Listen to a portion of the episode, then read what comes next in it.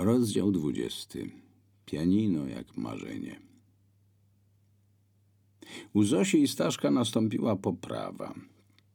Przewalczyli kryzys, urodził się Włodek i zaczęli się cieszyć życiem. O ile wcześniej jednocześnie się cieszyli Januszkiem i martwili jego inwalidztwem, oskarżali się o własne, wyimaginowane zaniedbanie, które to spowodowało.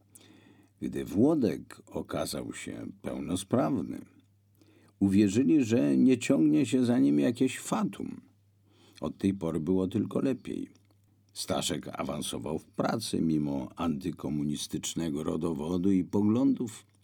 Na szczęście jego koledzy, a nawet szefowie, mieli poglądy zbliżone do jego. Dobrze się z nimi czuł. Wspierali się nawzajem i mógł na nich liczyć. Byli tak wobec siebie lojalni, że nawet otwarcie dyskutowali, jak ominąć polecenie dotyczące pierwszomajowego pochodu. Trudno teraz zrozumieć, że w tamtych latach uczestnictwo w pochodzie było obowiązkowe. Ci, którzy nie szli, byli karani. Nie tylko odmową awansu, ale też innymi bolesnymi konsekwencjami. Inni dostawali premie i prezenty, oni nie. Za aktywny udział w pochodzie można było dostać koc wyprodukowany w polskiej fabryce albo prodisz, czajnik elektryczny, a w późniejszych czasach talon dający możliwość zdobycia towarów, których brakowało na rynku. Ci, którzy nie uczestniczyli w pochodzie, otrzymywali do wykonania trudniejsze i gorzej płatne zadania. Synkowie rośli jak na drożdżach.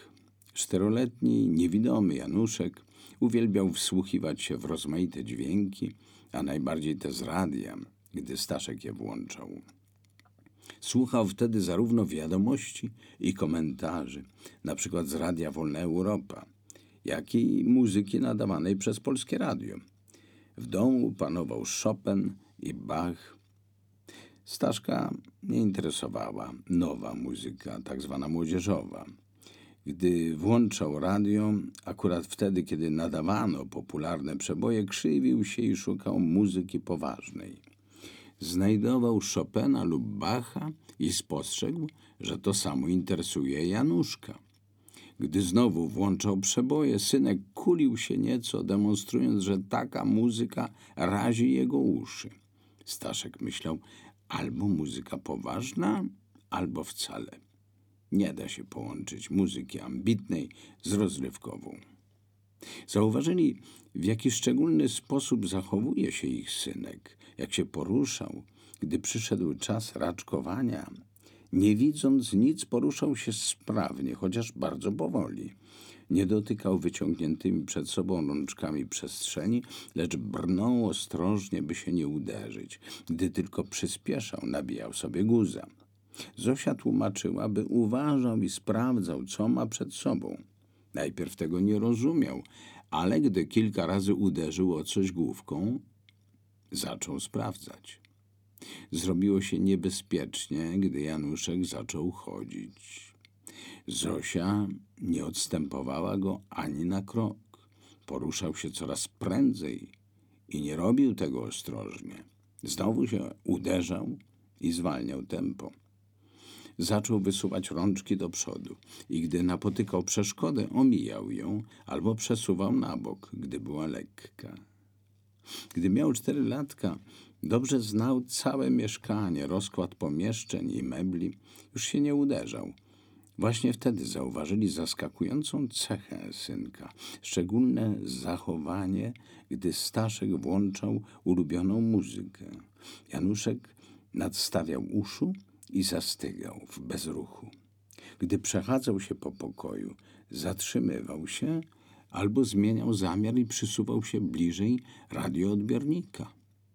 Im ciekawsza muzyka, tym bardziej do niej lgnął. Zauważyłeś, jak on reaguje na muzykę? zapytała Zosia. No pewnie. No i co o tym sądzisz? No, sądzę, że nasz synek ma bardzo dobry słuch. Zauważyłem, że nie tylko muzyka przyciąga jego uwagę. Zobacz, co się dzieje, gdy słychać jakieś dźwięki. Jakie? zapytała. No, gdy słychać coś ciekawego, na przykład ćwierkanie ptaków, on jest zafascynowany, odpowiedział Staszek. Rzeczywiście, ich chłopiec reagował na dźwięki bardzo emocjonalnie. Przy okazji wizyty u lekarza zapytali, co o tym sądzi. I dowiedzieli się, że ze słuchem wszystko jest w najlepszym porządku, a więc zachowanie Januszka nie wynikało z nadwrażliwości związanej z ewentualną infekcją uszu, lecz z wyjątkowym słuchem. Opinia lekarza była słuszna. Januszek zaczął mruczeć, a może nawet podśpiewywać. Zauważyli, że nie fałszuje i postanowili kupić mu prezent, jaki dostawały inne dzieci cymbałki. Takie małe, do zabawy. Januszek, zobacz, co ci przynieśliśmy, zagadnęła radośnie Zosia. Wyjęła z opakowania cymbałki i dwie drewniane pałeczki. Podała synkowi. Co to jest? zapytał. A zgadnij. Nie wiem. No to dotknij. Może już widziałeś coś takiego? Powiedziała mama i ugryzła się w język. Co ja mówię, co on mógł widzieć? Nie popełniła żadnego błędu, bo właśnie tak się mówi do ludzi niewidomych. Jedni widzą dwojgiem oczu, inni innymi zmysłami, najczęściej dotykiem, ale także słuchem. Januszek macał cymbałki i nie wiedział, co to jest. Wtedy Zosia mu na nich zagrała. Wlazł kotek na płotek i mruga. Zaśpiewała tę przyśpiewkę, a Januszek się ożywił. Y, daj, mama, teraz ja. I zagrał. Pierwsze uderzenia pałeczkami nie trafiały w metalowe płytki. Śmiali się z tego, ale po kilkunastu próbach udawało się. Januszek zagrał to samo, co wcześniej mama. Wlazł kotek na płotek. Boże, najwidoczniej on ma talent, pomyślała mama. Staszek zatrzymał się na środku pokoju i przytaknął. Januszek grał i grał, a oni kupowali mu kolejne muzyczne zabawki, takie proste i tanie, jakie mają inne dzieci. Wyczyniał z nimi znacznie więcej od innych. Gdy miał cztery lata, poszli do nauczyciela muzyki, o którym wiedzieli, że co prawda nie udziela korepetycji, ale zna się na rzecz. Zaprosili go do siebie, a gdy przyszedł, wypił herbatę, zjadł troszkę jabłecznika upieczonego przez Zosię i zajął się małym muzykiem. Ten siedział na podłodze i brzdąkał na cymbałkach. Nauczyciel, niewiele myśląc, usiadł obok niego i zaczął rozmowę. O, jaki ładny instrument! To cymbałki, a nie instrument, obruszył się Januszek. Tak jest, masz rację. Dobrze, że mi to przypomniałeś. Umiesz na nich grać? Umiem i to jeszcze jak? I już walił w nie mocniej niż zwykle, bo miał to być przecież pierwszy jego koncert. Miał teraz poważną widownię. Nauczyciel siedział obok, a nieco dalej przy stole mama i tata. Co tam? Nie ma powodu do tremy. I uderzał coraz mocniej, najpierw bez ładu i składu, z czasem coraz sensowniej. Gdy dotarł do konkretnej melodii, nauczyciel był zadowolony. Pięknie. Prawdziwy muzyk potrafi grać nie tylko to, czego się nauczył, ale i to, co mu gra w sercu. Zagraj nam to, co teraz usłyszysz. I zagrał kilka melodii, od najprostszej do skomplikowanych, z użyciem zarówno całych nut, jak i półnut i ćwierćnut. Za każdym razem malec je powtarzał. Nie było bezbłędnie, ale gdy nie trafiał we właściwy dźwięk, zaraz się poprawiał. Rozmowa, czy raczej zabawa, nie trwała długo, bo nie było takiej potrzeby. Nauczyciel miał pewność co do talentu Januszka. Drodzy Państwo, sprawa jest ciekawa. On nie widzi, ale znakomicie słyszy. Bez wątpienia ma duży talent. Ja jeszcze nie spotkałem takiego dziecka, przecież uczę od wielu lat. Miałem już takich małych uczniów, którzy potem w dorosłym życiu zostali pianistami albo innymi muzykami. No wiecie, gdy się ma ponad 30 lat zawodowej praktyki, wie się z czym, czy raczej z kim ma się do czynienia. On musi brać lekcje i to bardzo intensywnie. Chodzi o to, by nie tracić czasu. W jego wieku należy zrobić jak najwięcej, by to później zaowocowało. Na dodatek, ponieważ Januszek nie widzi, na pewno będzie mu trudniej. Będzie musiał więcej ćwiczyć, będzie robił postępy nieco wolniej niż widzące dzieci. Wiecie, będą tu specyficzne utrudnienia, chociażby kwestia ułożenia dłoni, kontroli nad klawiaturą i tak. Wszystko jest łatwiejsze, gdy się widzi. Dobrze, ale my nie wiemy, jak się do tego wszystkiego zabrać, stwierdził Staszek. Sprawa nie była prosta. Okazało się, że nikt w Warszawie nie miał odpowiedniego doświadczenia w nauce gry na fortepianie niewidomego malucha. Rodzice pytali więc o inne instrumenty, ale niczego to nie zmieniło. Byli nauczyciele, którzy mogli zgodzić się na zajęcia z Januszkiem, ale wtedy ich doradca ostrzegał, że nie wystarczy, że ktoś się zgodzi i weźmie za to pieniądze. Musi mieć wystarczającą wiedzę i doświadczenie, by dobrze uczyć niewidome dziecko. W pewnym momencie zrozumieli, że jedynym rozwiązaniem jest skierowanie synka do specjalnego ośrodka dla niewidomych. Tylko tam był prawdziwy nauczyciel muzyki, który wiedział, jak uczyć niewidome dzieci. Była to nauczycielka, niewidoma. Wszyscy mówili, że jest wybitnym muzykiem i pedagogiem oraz że przy niej Januszek będzie miał największe szanse na wykorzystanie talentu. Właśnie co do tego talentu, coraz bardziej wychodziło na jaw, że jest nietuzinkowy. Jeszcze bez lekcji Januszek umiał dużo zagrać. Sam się uczył grać różne melodie. Nie wystarczą jakieś muzyczne zabawki, potrzebne jest prawdziwe pianino. Staszek lubował się w śledzeniu wiadomości, a to w radiu, a to w gazetach i właśnie kiedyś przypadkiem znalazł ogłoszenie, że ktoś chce odsprzedać swoje używane pianino wieloletnie, w dobrym stanie. Poprosił nauczyciela muzyki o pomoc i razem pojechali zobaczyć instrument. Dzień dobry panu. Czy można my w sprawie pianina? powiedział Staszek. Proszę bardzo, proszę wejść. Pianino stoi tam w pokoju, bardzo proszę. Mieszkanie było nie za duże, umeblowanie i cały wystrój świadczyły o tym, że mają do czynienia z intelektualistą.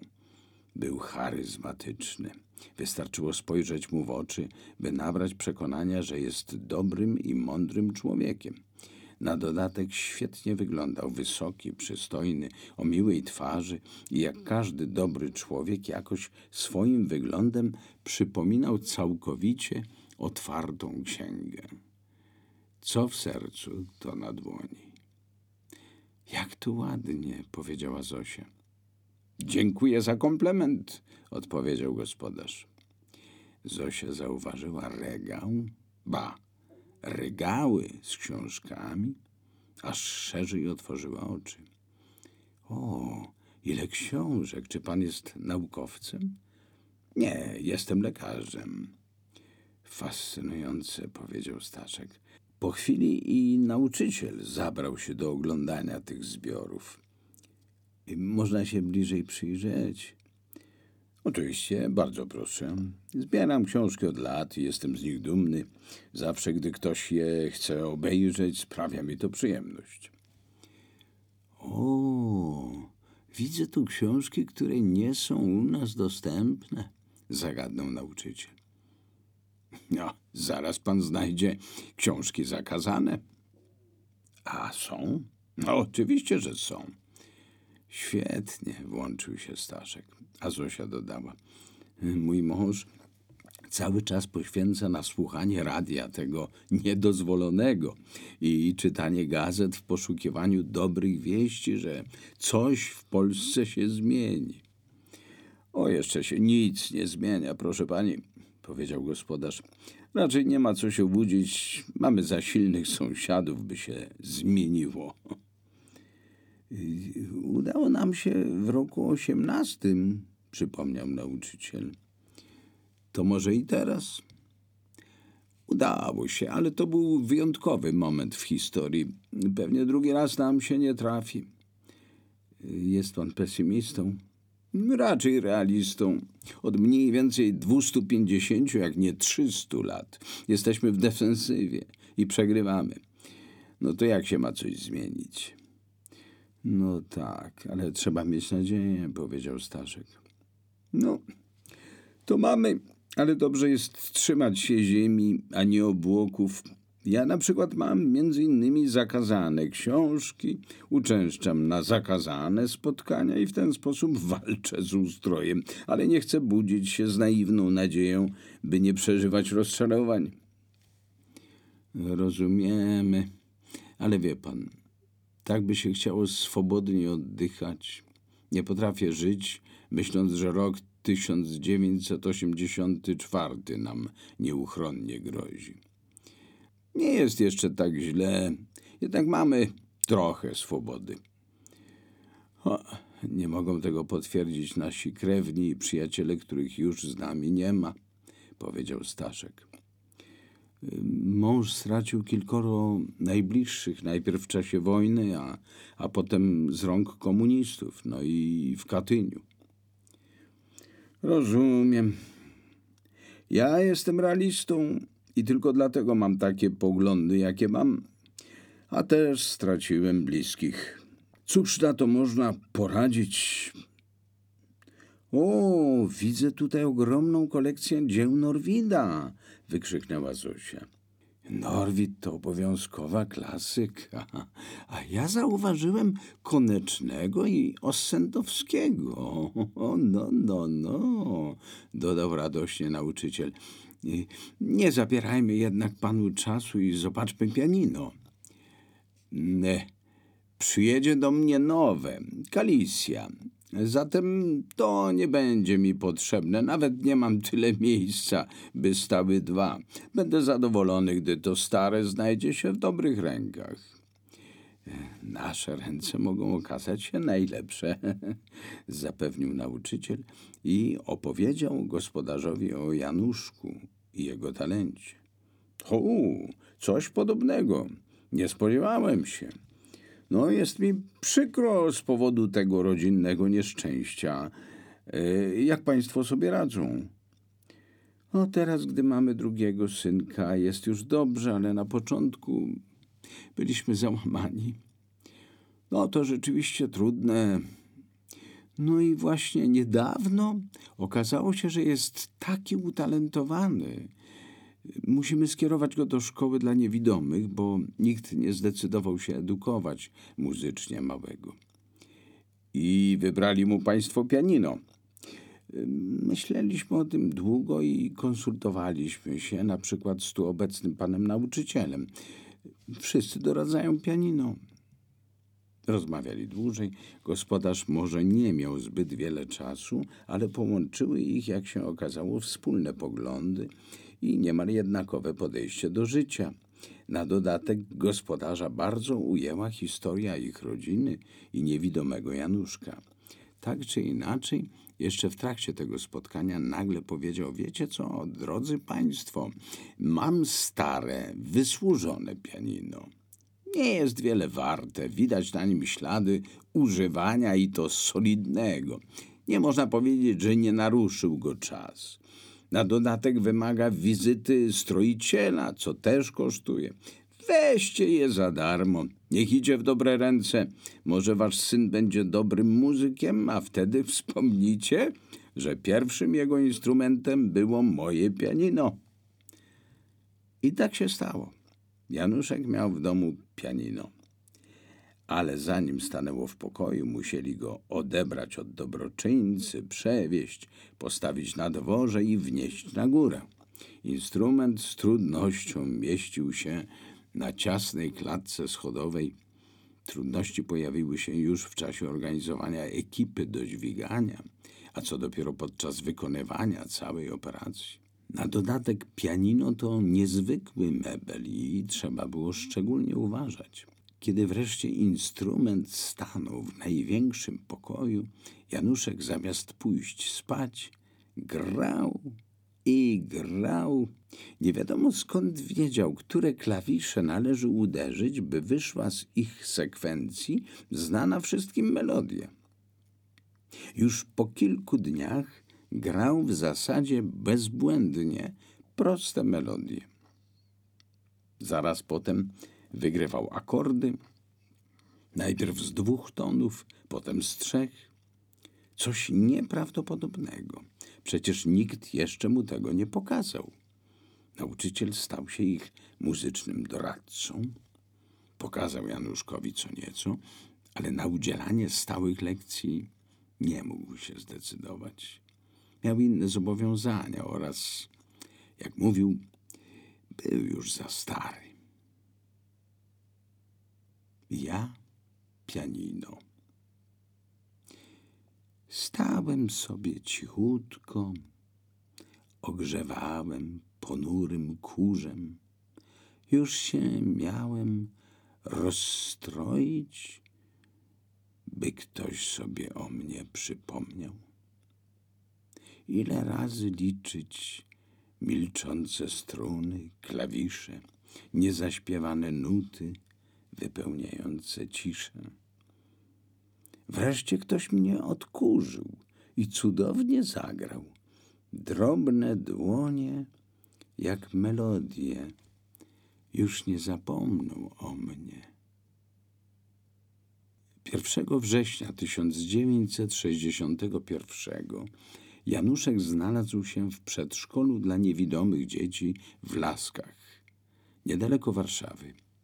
Trudna decyzja. Rodzice rozważali, co jest ważniejsze: umożliwić synkowi rozwój, czy być razem w domu, ale bez możliwości odpowiedniego kształcenia synka. Długo o tym dyskutowali. Dobra szkoła, lekcje gry na pianinie i życie w internacie bez codziennego kontaktu z nimi? Czy kompromis i zmarnowanie jego talentu? Wybrali rozłąkę. Zosia przepłakała wiele dni. Staszek pogodził się z losem swoje, przeżył, gdy się dowiedział o niepełnosprawności synka, a teraz znów przeżycia. Kolejne wydarzenia przyjmował jako konsekwencję tego pierwszego. Jak można przeżyć rozstanie z ukochanym synkiem? Kto może sobie to wyobrazić?